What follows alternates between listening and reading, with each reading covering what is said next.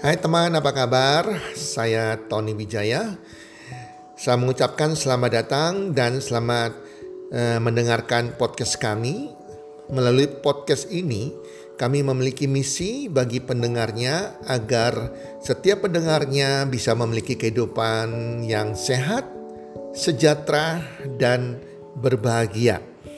Kami ingin menjadi sebuah cahaya lilin di tengah kegelapan yang bisa memberikan harapan, manfaat, dan solusi bagi setiap pendengarnya. Selamat mendengarkan podcast kami dan semoga Anda menjadi pendengar untuk podcast-podcast kami berikutnya.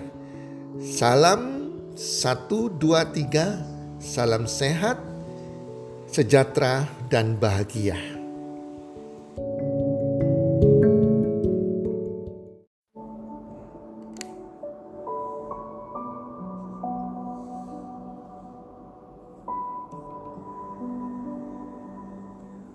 Bye-bye depresi. Hai para pendengar podcast di mana pun Anda berada saat ini. Saya berdoa dan berharap semoga Anda bersama keluarga Anda selalu dalam keadaan sehat walafiat dan berbahagia bersama keluarga. Dan pastinya makin bertambah rezeki Anda, makin bertambah kesuksesan Anda. Bye-bye depresi. Teman-teman, ada sesuatu yang lebih mengerikan daripada permainan jelangkung atau permainan memanggil setan di mana datangnya tadi undang tapi perginya kita harus usir dengan paksa. Apakah itu yang lebih mengerikan daripada permainan memanggil Jai Langkung itu adalah depresi.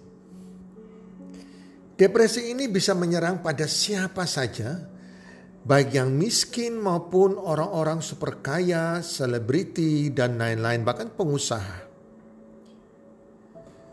Depresi adalah selalu berkaitan dengan perasaan dan pikiran kita. Seperti perasaan sedih, perasaan murung, perasaan kesal, marah, tidak bahagia, perasaan merasa diri menderita. Para pendengar, kita menggunakan kata depresi tersebut umumnya untuk memperjelas pada keadaan yang melibatkan kesedihan dan emosi negatif yang di mana ini bisa mengganggu kita semua. Emosi negatif itu apa sih? Emosi negatif itu seperti rasa kesal, rasa kecewa, rasa marah, rasa tidak punya harga diri, rasa tidak berharga, rasa tidak bernilai, rasa tidak bertenaga, tidak punya kemampuan, dan kita selalu memikirkan pandangan-pandangan orang pada diri kita, pandangan yang negatif orang pada diri kita. Padahal belum tentu orang tersebut memikirkan demikian pada diri kita. Contohnya tiba-tiba kita mengatakan teman saya si A mungkin tidak suka sama saya. Teman saya si A mungkin tersinggung kata-kata saya. Padahal tidak demikian. Itu pikiran kita yang negatif yang mengatakan itu kepada kita. Agak ada perasaan bersalah kepada kita seseorang yang dulunya periang karena depresi jadi pemurung. Dia selalu merasa khawatir, ketakutan yang tidak jelas. Seseorang yang dulunya sering posting di Instagram, suka foto-foto, tiba-tiba berubah, berubah gratis. Sudah nggak mau post di Instagram, sudah nggak suka foto-foto lagi. Itu ciri-cirinya, teman-teman. Depresi ini jika kita ajak berteman dan kita pelihara, maka sangat berbahaya.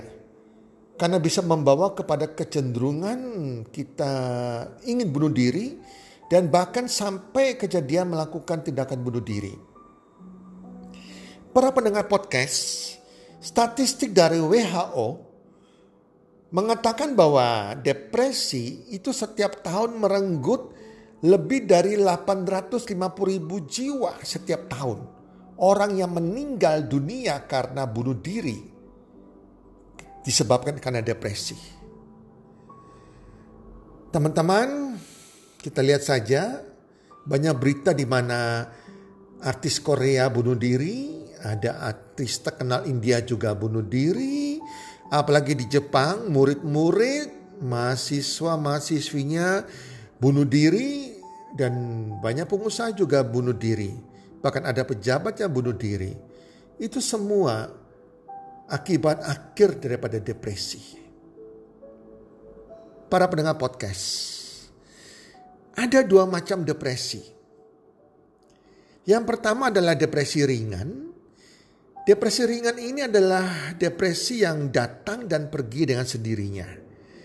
Ditandai dengan hati yang tiba-tiba jadi sedih, jadi murung, ya, hati yang kesal, hati yang marah, tiba-tiba pergi dan kita kembali normal lagi. Ini depresi ringan sebetulnya. Sedangkan yang kedua adalah depresi berat. Ini berbahaya. Depresi berat ini dicirikan dengan perasaan yang tidak berguna. Anda merasa diri Anda tidak berguna.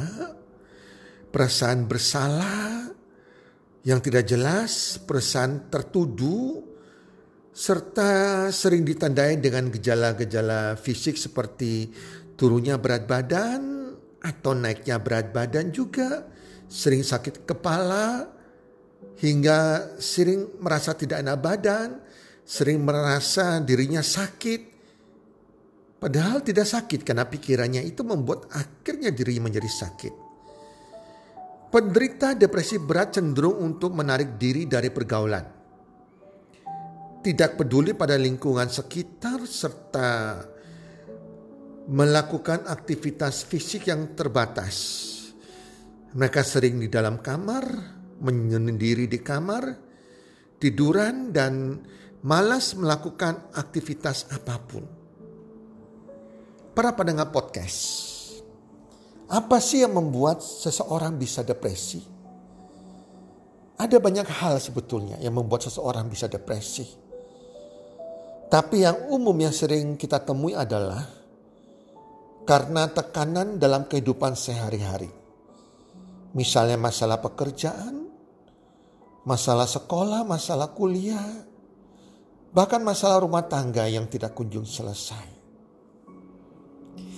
Juga masalah dan konflik dalam pernikahan, perselisihan antara pasangan, suami dan istri, anak-anak yang tidak dapat diatur, sering konflik dengan mertua, ketidakcocokan atau ketidakpuasan dengan pasangan, itu membuat kita bisa depresi.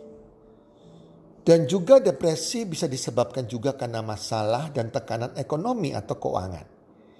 Contohnya hutang-hutang yang menumpuk, yang sudah stres kita bagaimana cara melunasi hutangnya, yang tak kunjung selesai, atau piutang-piutang yang belum terbayarkan teman-teman. Terkadang depresi membuat disebabkan karena pribadi harga diri yang rendah karena merasa kurang menarik, walaupun terkadang sudah berpenampilan baik dan sopan. Saya sering ketemu anak-anak muda yang penampilannya menarik, cantik, badannya juga ramping, tapi mereka tidak pede, tidak percaya diri. Atau anak muda yang tampan tetapi tidak percaya diri karena dilahirkan dari keluarga yang miskin, rumah tangga yang tidak karuan, broken home, ini juga ciri depresi. Cara berpikir yang buruk, sering merasa khawatir dan cemas yang berlebihan, dan bisa merekayasa sesuatu yang menakutkan yang tidak ada dianggap ada. Itu juga depresi. Misalnya, selalu berpikir, aduh aku nanti ditertawakan orang ya. Aduh nanti kalau aku sakit bagaimana ya? Nanti ada orang yang ambil foto saya diam-diam bagaimana ya? Atau nanti kalau saya lagi mandi diintip orang bagaimana ya? Jadi ketakutan-ketakutan yang tidak beralasan teman-teman. Itu adalah ciri-ciri depresi. Misalnya saya sering temui orang-orang yang depresi. Dalam saat kita temui teman lama kita misalnya. Kemudian kita bercanda. Saat kembali ke rumah kita kita berpikir. Waduh jangan-jangan tadi canda saya tuh kelewatan. Jangan-jangan canda saya percandaan saya tadi bisa membuat teman saya tersinggung. Dan kita sudah mulai memikirkan dia tersinggung, teman kita tersinggung, teman kita marah. Padahal teman kita tidak tidak tersinggung, tidak marah. Kita bermain dengan pikiran negatif kita. Kita merasa bersalah, tertuduh. Dan kita bawa terus dalam keseharian kita. Kita merasa sudah membuat teman kita marah, teman kita tersinggung. Padahal tidak sama sekali. Itulah pikiran-pikiran negatif yang ada dalam orang yang depresi.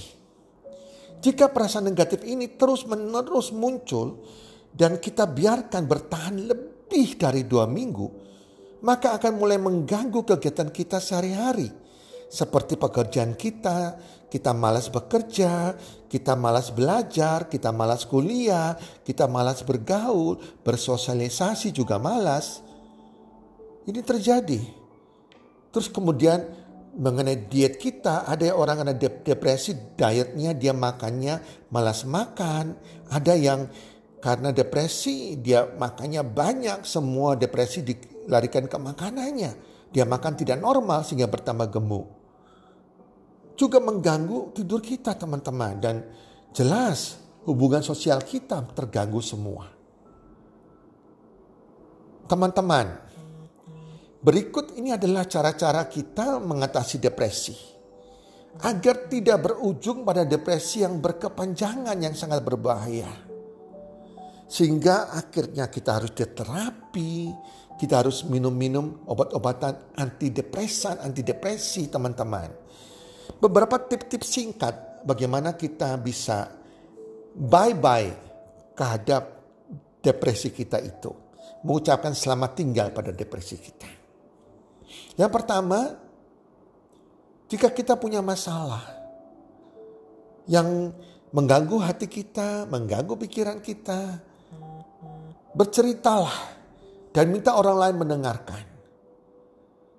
Perasaan yang tertekan, emosi yang negatif, jika tidak kita keluarkan, artinya Anda sedang menabung, disimpan dalam hati dan pikiran Anda. Bahaya loh teman-teman. Kalau Anda menabung uang di bank dapat bunga bank gak apa-apa.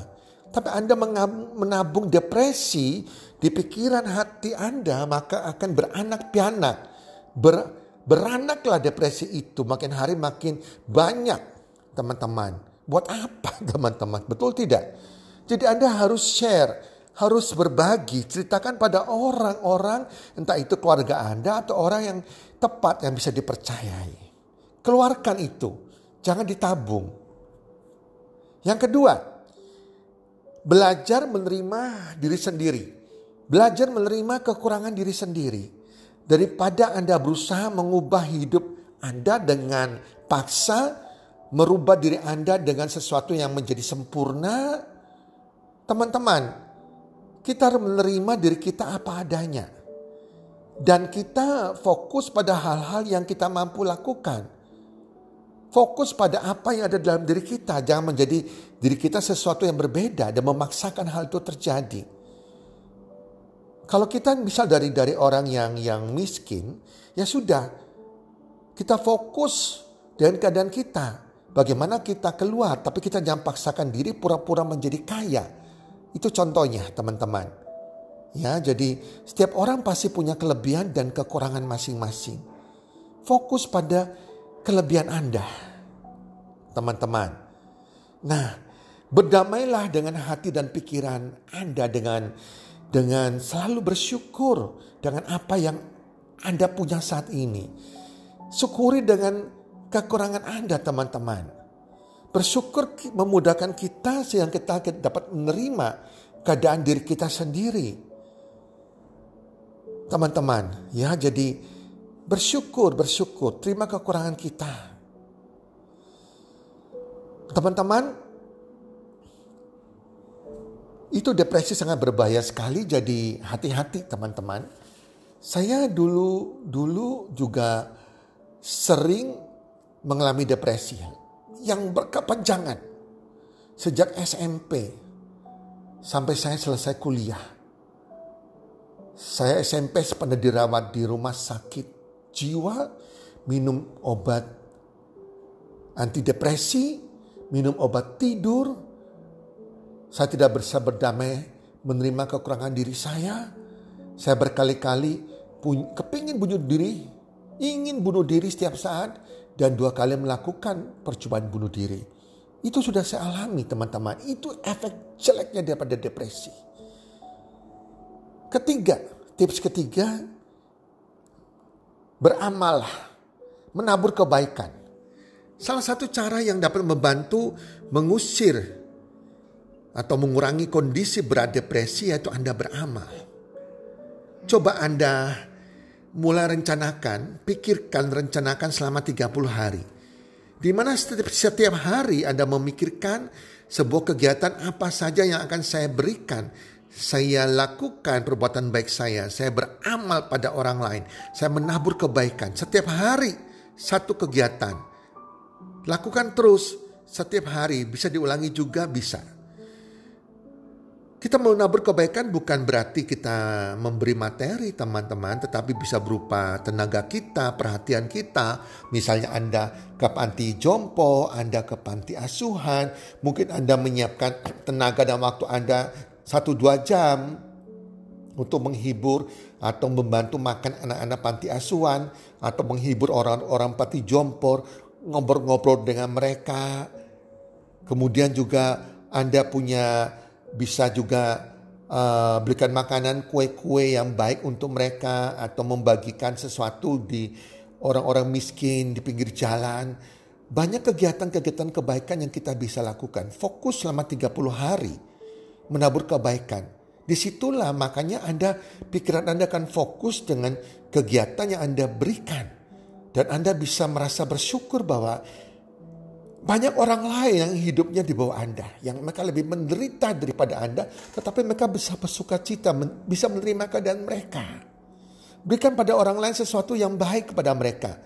Pada saat Anda lakukan tersebut, pikiran Anda akan uh, tercurah pada kebaikan untuk orang lain dan ini adalah energi positif yang kita ciptakan, yang kita tabur untuk orang lain. Anda tahu akibatnya apa yang terjadi? Jika Anda tabur, Anda akan menuai. Jika kita menabur energi positif dengan menabur kebaikan tersebut, maka energi yang sama akan terlempar, akan kembali kepada kita. Berpuluh kali lipat ganda. Lebih kuat dari apa yang kita tabur. Cuma satu syaratnya, Berikan dengan niat membagikan kebahagiaan bagi si penerima. Bukan karena kasihan teman-teman. Seperti kita memberi pengemis, uang kepada pengemis. Kita memberi karena kasihan, maka kita akan kasih uang receh yang kita berikan. Maka energi yang kita bagikan ada energi yang lemah yang kita lepaskan. Sebaliknya kalau kita berpikir bahwa kita memberikan uang kepada pengemis untuk kebaikan, kebahagiaan bagi pengemis tersebut, maka kita akan berikan uang. Bukan uang receh. Uang kertas entah 50 ribu, ya, 20 ribu yang bisa memberikan energi positif, bisa memberikan kebahagiaan pada si penerima, maka Anda menaburkan energi positif yang Anda berikan teman-teman. Itu teman-teman. Ya, yang keempat yang terakhir berdoa. Mendekatkan diri pada Sang Maha Kuasa yang kita yakini dan kita percaya yaitu Tuhan kita. Itu adalah suatu hal yang luar biasa. Berdoalah dengan ikhlas dan bersyukur atas masalah yang sedang dihadapi. Teman-teman, dulu saya sering curhat kepada teman saya. Kalau saya punya masalah, akhirnya saya nggak mau lagi karena teman saya ini nggak dapat dipercaya. Dia menceritakan kepada siapa saja masalah saya tersebut. Akhirnya saat ini saya punya masalah, teman-teman. Setiap orang pasti punya masalah. Saya curhatnya dengan doa. Kepada Tuhan setiap hari. Jika saya punya masalah perasaan dan pikiran saya, punya perasaan yang kesal atau apa pun, saya tahu ini uh, depresi yang nggak bagus, depresi ringan, saya harus keluarkan hari itu juga. Malam hari saya selalu berdoa, saya bercakap-cakap dengan Tuhan dan saya ceritakan masalah saya kepada Tuhan. Sehingga depresi saya itu lepas teman-teman. Teman-teman, penelitian pernah menunjukkan bahwa jika kita berdoa dengan kondisi yang sungguh-sungguh ikhlas dan bersyukur, maka otak akan memproduksi hormon serotonin dan hormon endorfin. Nah, kedua hormon ini yang menyebabkan seseorang merasa nyaman, merasa tenang dan bahagia. Dampaknya, kalau ada hormon tersebut yang membuat kita merasa nyaman, tenang, dan bahagia, maka imunitas tubuh kita akan meningkat pembuluh darah kita akan terbuka lebar. Detak jantung kita jadi stabil. Kapasitas indera meningkat. Emosi kita membaik, maka fisik kita jadi lebih baik dan lebih bugar. Depresi merupakan indikasi bahwa kita memiliki masalah dalam diri yang harus segera ditemukan solusinya. Depresi bukan hanya sekedar penyakit, teman-teman, melainkan sinyal dari otak yang harus kita cari solusinya dengan mengubah pola pikir kita dari pola pikir negatif menjadi pola pikir positif tentang diri kita. Para pendengar, jangan berteman dengan depresi. Mulai sekarang kita putuskan pertemanan kita dengan depresi dan ucapkan bagi teman kita depresi tersebut, bye-bye depresi. Selamat tinggal depresi. Semoga bermanfaat para pendengar podcast dan salam sukses one two three.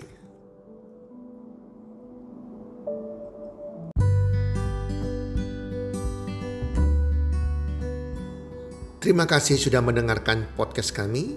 Teman, jika Anda rasa bermanfaat podcast kami ini, Anda bisa menginfokan kepada rekan kerja Anda, keluarga Anda, teman ataupun sahabat Anda dan jika ada hal-hal yang Anda ingin tanyakan kepada kami ataupun topik-topik apa yang Anda ingin kami bawakan, kami sampaikan, Anda bisa DM kami di Instagram kami healthcommunity.id. Salam one two three, salam sehat, sejahtera dan bahagia.